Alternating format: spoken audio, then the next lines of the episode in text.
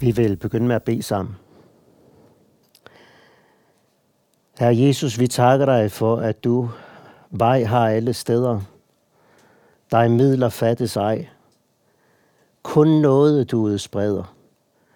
Kun lys er al din vej. Nu beder vi om, at vi må få sådan en stund for dit ansigt, hvor vi får lov til at erfare, at kun noget du udspreder. Kun lys er al din vej.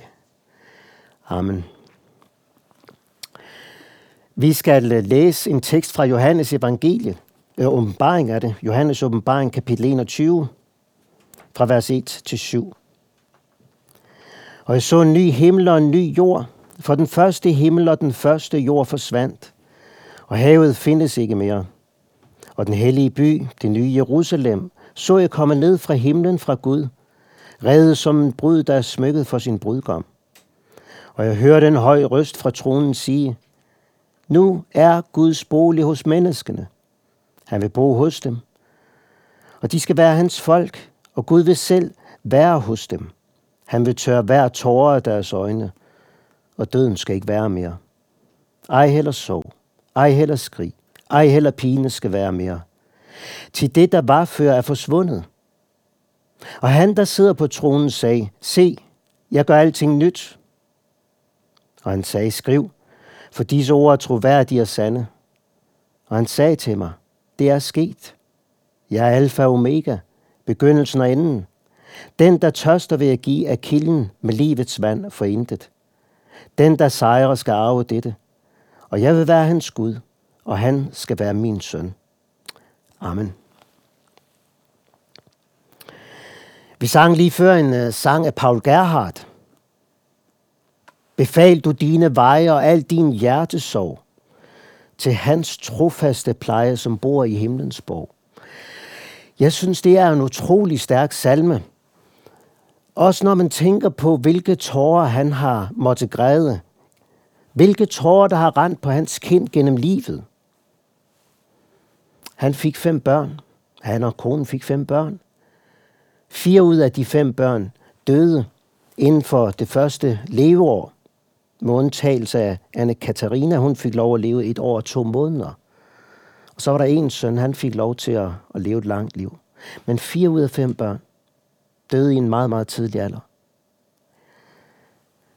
Al din hjertesorg til hans trofaste pleje, som bor i himlens borg. Sådan skriver og synger Paul Gerhardt. Det er en stærk salme, når man også tænker på, hvilke trængsler han har gået igennem, også i sin tjeneste som præst. Han blev indblandet i en strid mellem reformerede og lutheranere og blev afsat fra tjenesten i 1666. Han voksede op i en tid med øh, pest i Europa og 30-årskrigen. Og det er ham, der skriver, Vej har du alle steder. Dig midler fattes ej. Kun noget du udspreder. Kun lyser al din vej. Din gerning kan ej hvile, ej stanse kan dit fjed, ej stanse kan din gang. Når du til os vil ile, med hjælp og bistand ned. Det er det der, der er så utrolig stærkt, når man møder ved Paul Gerhardt, men også ved brødre og søstre i dag, som får lov til at erfare, at Herren han iler ned med hjælp, med bistand. Det er et under fra himlen, når et menneske får givet i sin hjertesorg, får givet at hvile i Herrens trofaste pleje. Det er et noget under, når han iler til os med hjælp, sin hjælp, sin bistand. Ved du, hvad det er, når det sker? Det er en forsmag på himlen. For snart vil han ikke bare ile med hjælp til os ned. Nej, snart vil han selv ile til os ned. Snart vil Guds bolig være hos menneskene. Gud vil bo hos dem. De skal være hans folk. Han vil selv være hos dem, sådan læste vi. Men vi fornemmede også noget af, hvad der kendetegner vejen dertil. Vejen dertil vil være en tårervej. Vi læste jo, at han vil tørre hver tårer af deres øjne.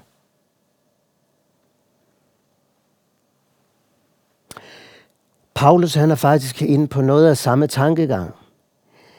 Han øh, helbredte en mand i Lystra, og øh, da det skete, så vil folk til at tilbede ham og Barnabas. Tilbede dem som guder, og det får de afholdt folket fra. Lidt senere så kommer der nogle jøder og fik overtalt folket i Lystra til nu at stene Paulus. Så vi går lige fra tilbedelse til stening. Det gør de. Og de slæber også Paulus uden for byen i den tro, at han må være død. Så hører vi om, at disciplene slog kreds om Paulus. Og han rejste sig op og gik ind i byen. Og så er det, vi allerede næste dag hører Paulus sige de her kendte ord. Hør om, hvordan han og Barnabas styrkede disciplene, formanede dem til at blive i troen. I det de sagde til dem, igennem mange trængsler skal vi gå ind i Guds rige. Og det siger manden, som dagen før lige var blevet stenet, næsten til døde.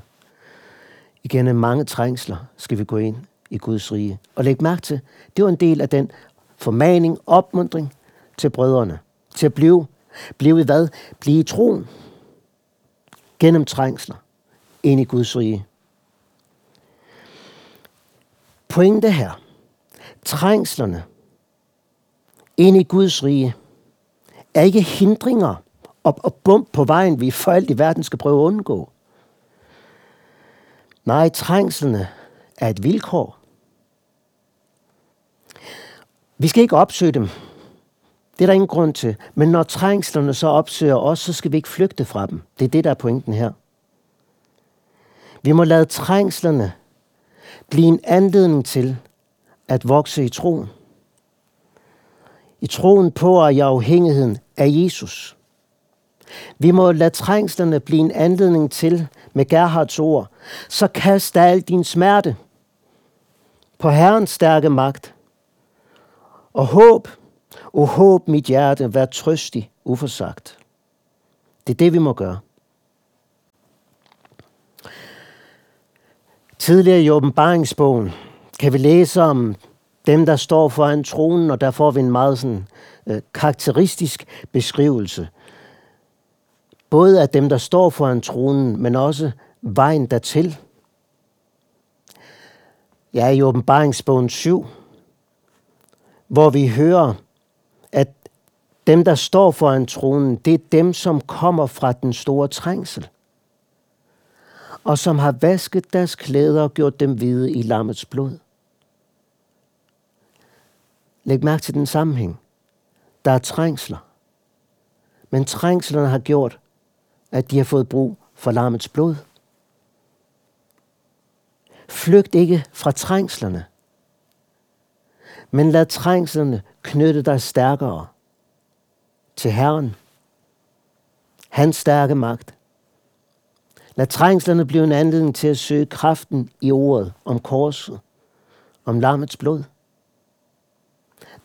Det er, jo, det er opstandelseskraften, der er virksom i det ord.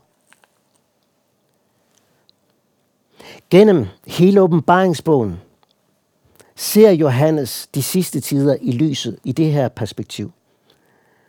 At vi skal stå foran tronen, iklædt hvide klæder, gjort hvide i lammets blod. Vel skal vi som Guds folk gå igennem mange trængsler, blive forfulgt og opleve, at antikrist fører krig mod os, både åndeligt og fysisk. Men vi ser også i åbenbaringsbogen, at igennem det hele, der er der en sejrs tone for Guds folk. Så sandt vi ellers vandrer i tro på, hvad ånden siger. Hele tiden er sejrsbudskabet fra tronen, at Gud har forsonet os med sig ved lammets blod. Hele tiden er det det budskab, der skal bære menigheden gennem trængslerne. Aldrig er det det ydre, som skal give menigheden frimodighed, styrke eller tro. Menighedens sejr er ikke at være mægtig og sejre i denne verden. Menighedens sejr her i tiden og i evigheden er at være forsonet med Gud ved lammets blod. Og det er netop den her forsoningens virkelighed, vi også møder i de verser, vi har læst. Vi møder det jo flere gange med udsagn. Gud hos menneskene. Gud hos dem. De, hans folk. Gud hos dem. Jeg synes, det er tankevækkende, at så tungt, kan du sige, et øh, så tungt teologisk ord som forsoningen, at det er det, vi møder her som det første, når vi nu hører om en ny himmel og en ny jord, fordi den første himmel og den første jord forsvandt, så er det forsoningens virkelighed, der bliver malet for vores øjne her. Det synes jeg er stærkt. Tro ikke, at du ved, hvad det vil sige at være forsonet med Gud. Når prædikanten begynder at tale om forsoningen til et møde eller til en gudstjeneste, så må du ikke slå over på autopiloten og tænke, det ved jeg godt, hvad det handler om. Det gør du ikke. Du skal nemlig bruge evigheden på at vokse i erkendelse af den rigdom. Så der skulle du snarere slå ørerne ud og sige til dig selv, her har vi med evigheden at gøre, og det som gælder i evighed. Og så skal du lytte efter. Du skal bruge evigheden på at udforske, hvad det vil sige at være forsonet med Gud. At være sammen med ham. Når han kommer igen, så skal det være en øh, virkelighed, vi skal erfare fuldt ud. Helt nærværende. Fysisk. Her i tiden, der er det en usynlig virkelighed, vi tror på. Men vi har del i den. Nu er Guds bolig hos menneskene. Jeg tror ikke, det betyder, at øh, Gud og jeg, vi skal bo naboer til hinanden. Han bor derover, så bor jeg her, og så bor du der. Det her med bolig. Jeg tror, øh, at tanken er foreningstankegang. Det er, at vi er blevet et. Øh, vi møder jo den tankegang i Nyt Testamente, at ved troen på Jesus, der tager Guds ånd bolig i os. Paulus taler om, at vi er hans tempel. Og det er denne forening med Gud, vi nu skal erfare fuldt ud. Når Guds ånd tager bolig i et menneske, så gør han det ikke halvt, for Gud er en. Og ånden er en person i guddommen, og du har ikke kun helligånden halvt. Men det, der sker den dag, det er, at der skal du erfare, at Gud fuldt ud tager bolig i dig. Her i tiden er det nemlig forbundet med smertelige erfaringer og trængsler for Guds børn. Trængsler, når de erfarer den gamle syndige natur, der ikke vil, hvad Guds ånd i dig vil. Der er denne kamp mellem kødet og ånden, og det er en smertelig kamp. Dit kød er fjende af ånden. Kødet vil fjendskab med Gud. De ligger i strid med hinanden.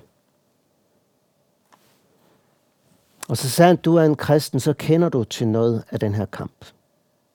Den her strid mellem kødet og ånden. Nu vil jeg gerne sige noget til dig, der kender til den her trængsel. Snart, snart så kommer der en dag, hvor Guds bolig er hos dig i al sin fylde, magt og i al sin herlighed og hellighed. Du som ikke kun være Jesus, fordi du er som du er, og kender trængslen fra din syndige natur. Du skal snart stå foran tronen. Foran ham, der sidder på den. Han, som kaldes hellig, hellig, hellig, som er Gud den almægtige.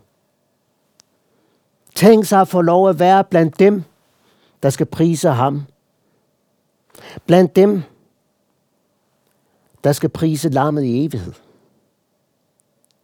Og tænk så også at være blandt dem, der skal få lov at erfare dette Jesu genkomst, og være blandt dem, der lever på jorden, når Jesus kommer. I et nu, på et øjeblik, så er de forvandlet. Så skal du med salig undren sige til dig selv, nu er det sket. Nu er dette forgængelige iklædt uforgængelighed. Dette dødelige iklædt udødelighed. Så skal du sige til dig selv, nu er jeg hjem.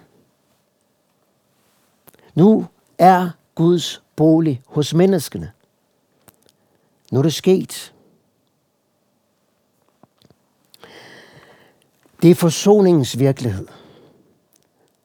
Vi der skal erfare fuldt ud.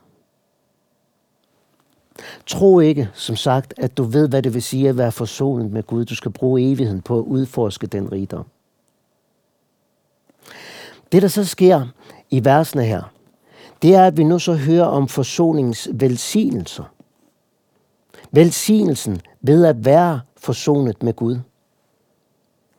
Og øh, noget af det, vi der hører, det er, at han vil tørre hver tårer af deres øjne. Jeg synes, det er så, så malerisk, det der. Han vil tørre hver tårer af deres øjne. Søren Kirkegaard taler om, at der er en tårnes pagt med Gud. Det er en pagt, der ikke kan ses. Den kan kun høres i lønkammeret, i den fortrolige omgang med Gud. Den kan ikke forstås, men den er i pagt med saligheden hos den Gud, der skal aftøre tårerne.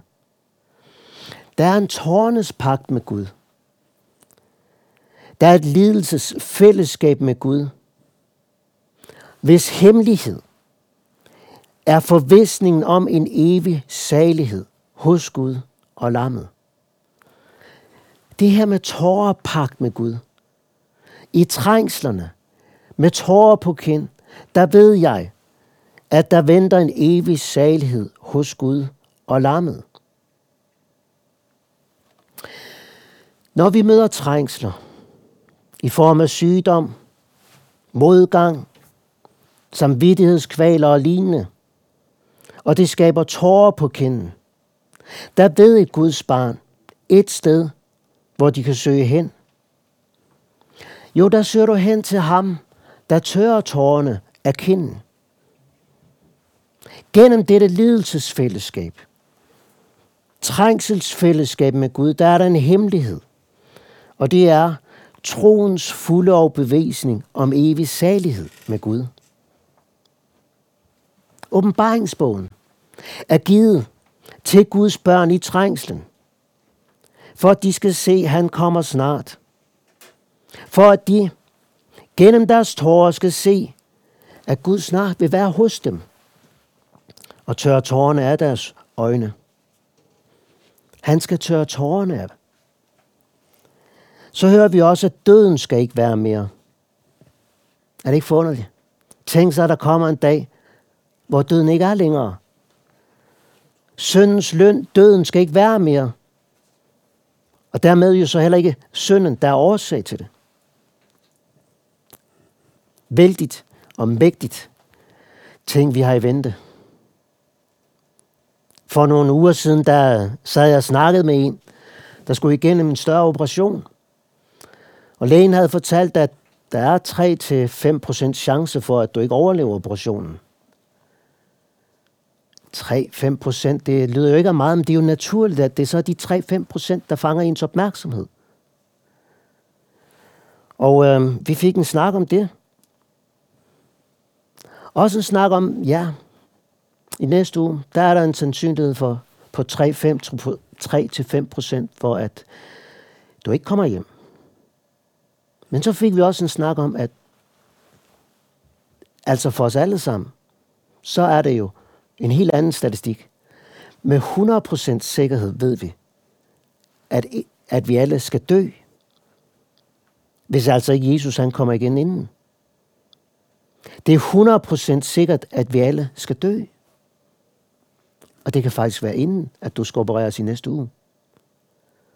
Og det forunderlige var, at så begyndte snakken jo at koncentrere sig mere om, hvordan er det så, når vi skal møde Jesus? I stedet for de 3-5 procent. Og fik en snak om, hvordan, hvordan kan jeg være reddet til at møde ham? Fik en snak om lammets blod, Guds søns blod, der renser os for al synd. Det blod, hvormed jeg har fred med Gud. 100% sikkert, at vi alle skal dø. Men når vi er hjemme, så er det også 100% sikkert, at ingen nogensinde længere skal dø. For døden skal ikke være mere. Alt i livet er så usikkert. Men en ting er sikkert, vi skal dø. Men du som tror på Jesus, du har det løfte fra Jesus selv. Jeg er opstandelsen og livet. Den, der tror på mig, skal leve, om han end dør. Og enhver, som lever og tror på mig, skal aldrig i evighed dø. Og den dag, så skal vi stå foran tronen, og så skal vi sige til hinanden, nu er døden her ikke længere. Der er det slut med at tage afsked. Der er det slut med syndens lød, syndens nederlag og forbandelse. For nu er døden ikke mere. Endelig hjemme. Endelig fremme. Endelig det sted, mit hjerte så ofte har længtes imod. Og så kan du ånde lettet op. Jeg forestiller mig, at vi skal høre faderens milde røst, mens jeg sidder på hans favn, og han tør tårerne af mine øjne. Viske dig i ørerne. Trængslerne og tårerne. Og alt det, som var før, det er nu forsvundet. Se dig omkring. Det er forsvundet. Nu er du hjemme. Jeg længes mod den dag. Lad os bede. Herre Jesus, vi takker dig for, at det er dette fantastiske perspektiv. Vi har for os og kan vandre i troen på. At vi snart skal se dig, sådan som du er. Se dig i herlighed. Se dig, du Guds lam. Og også se det blod, som renser os for alt synd. Herre Jesus, vi beder om, at du må bevare os i troen på dig indtil den dag.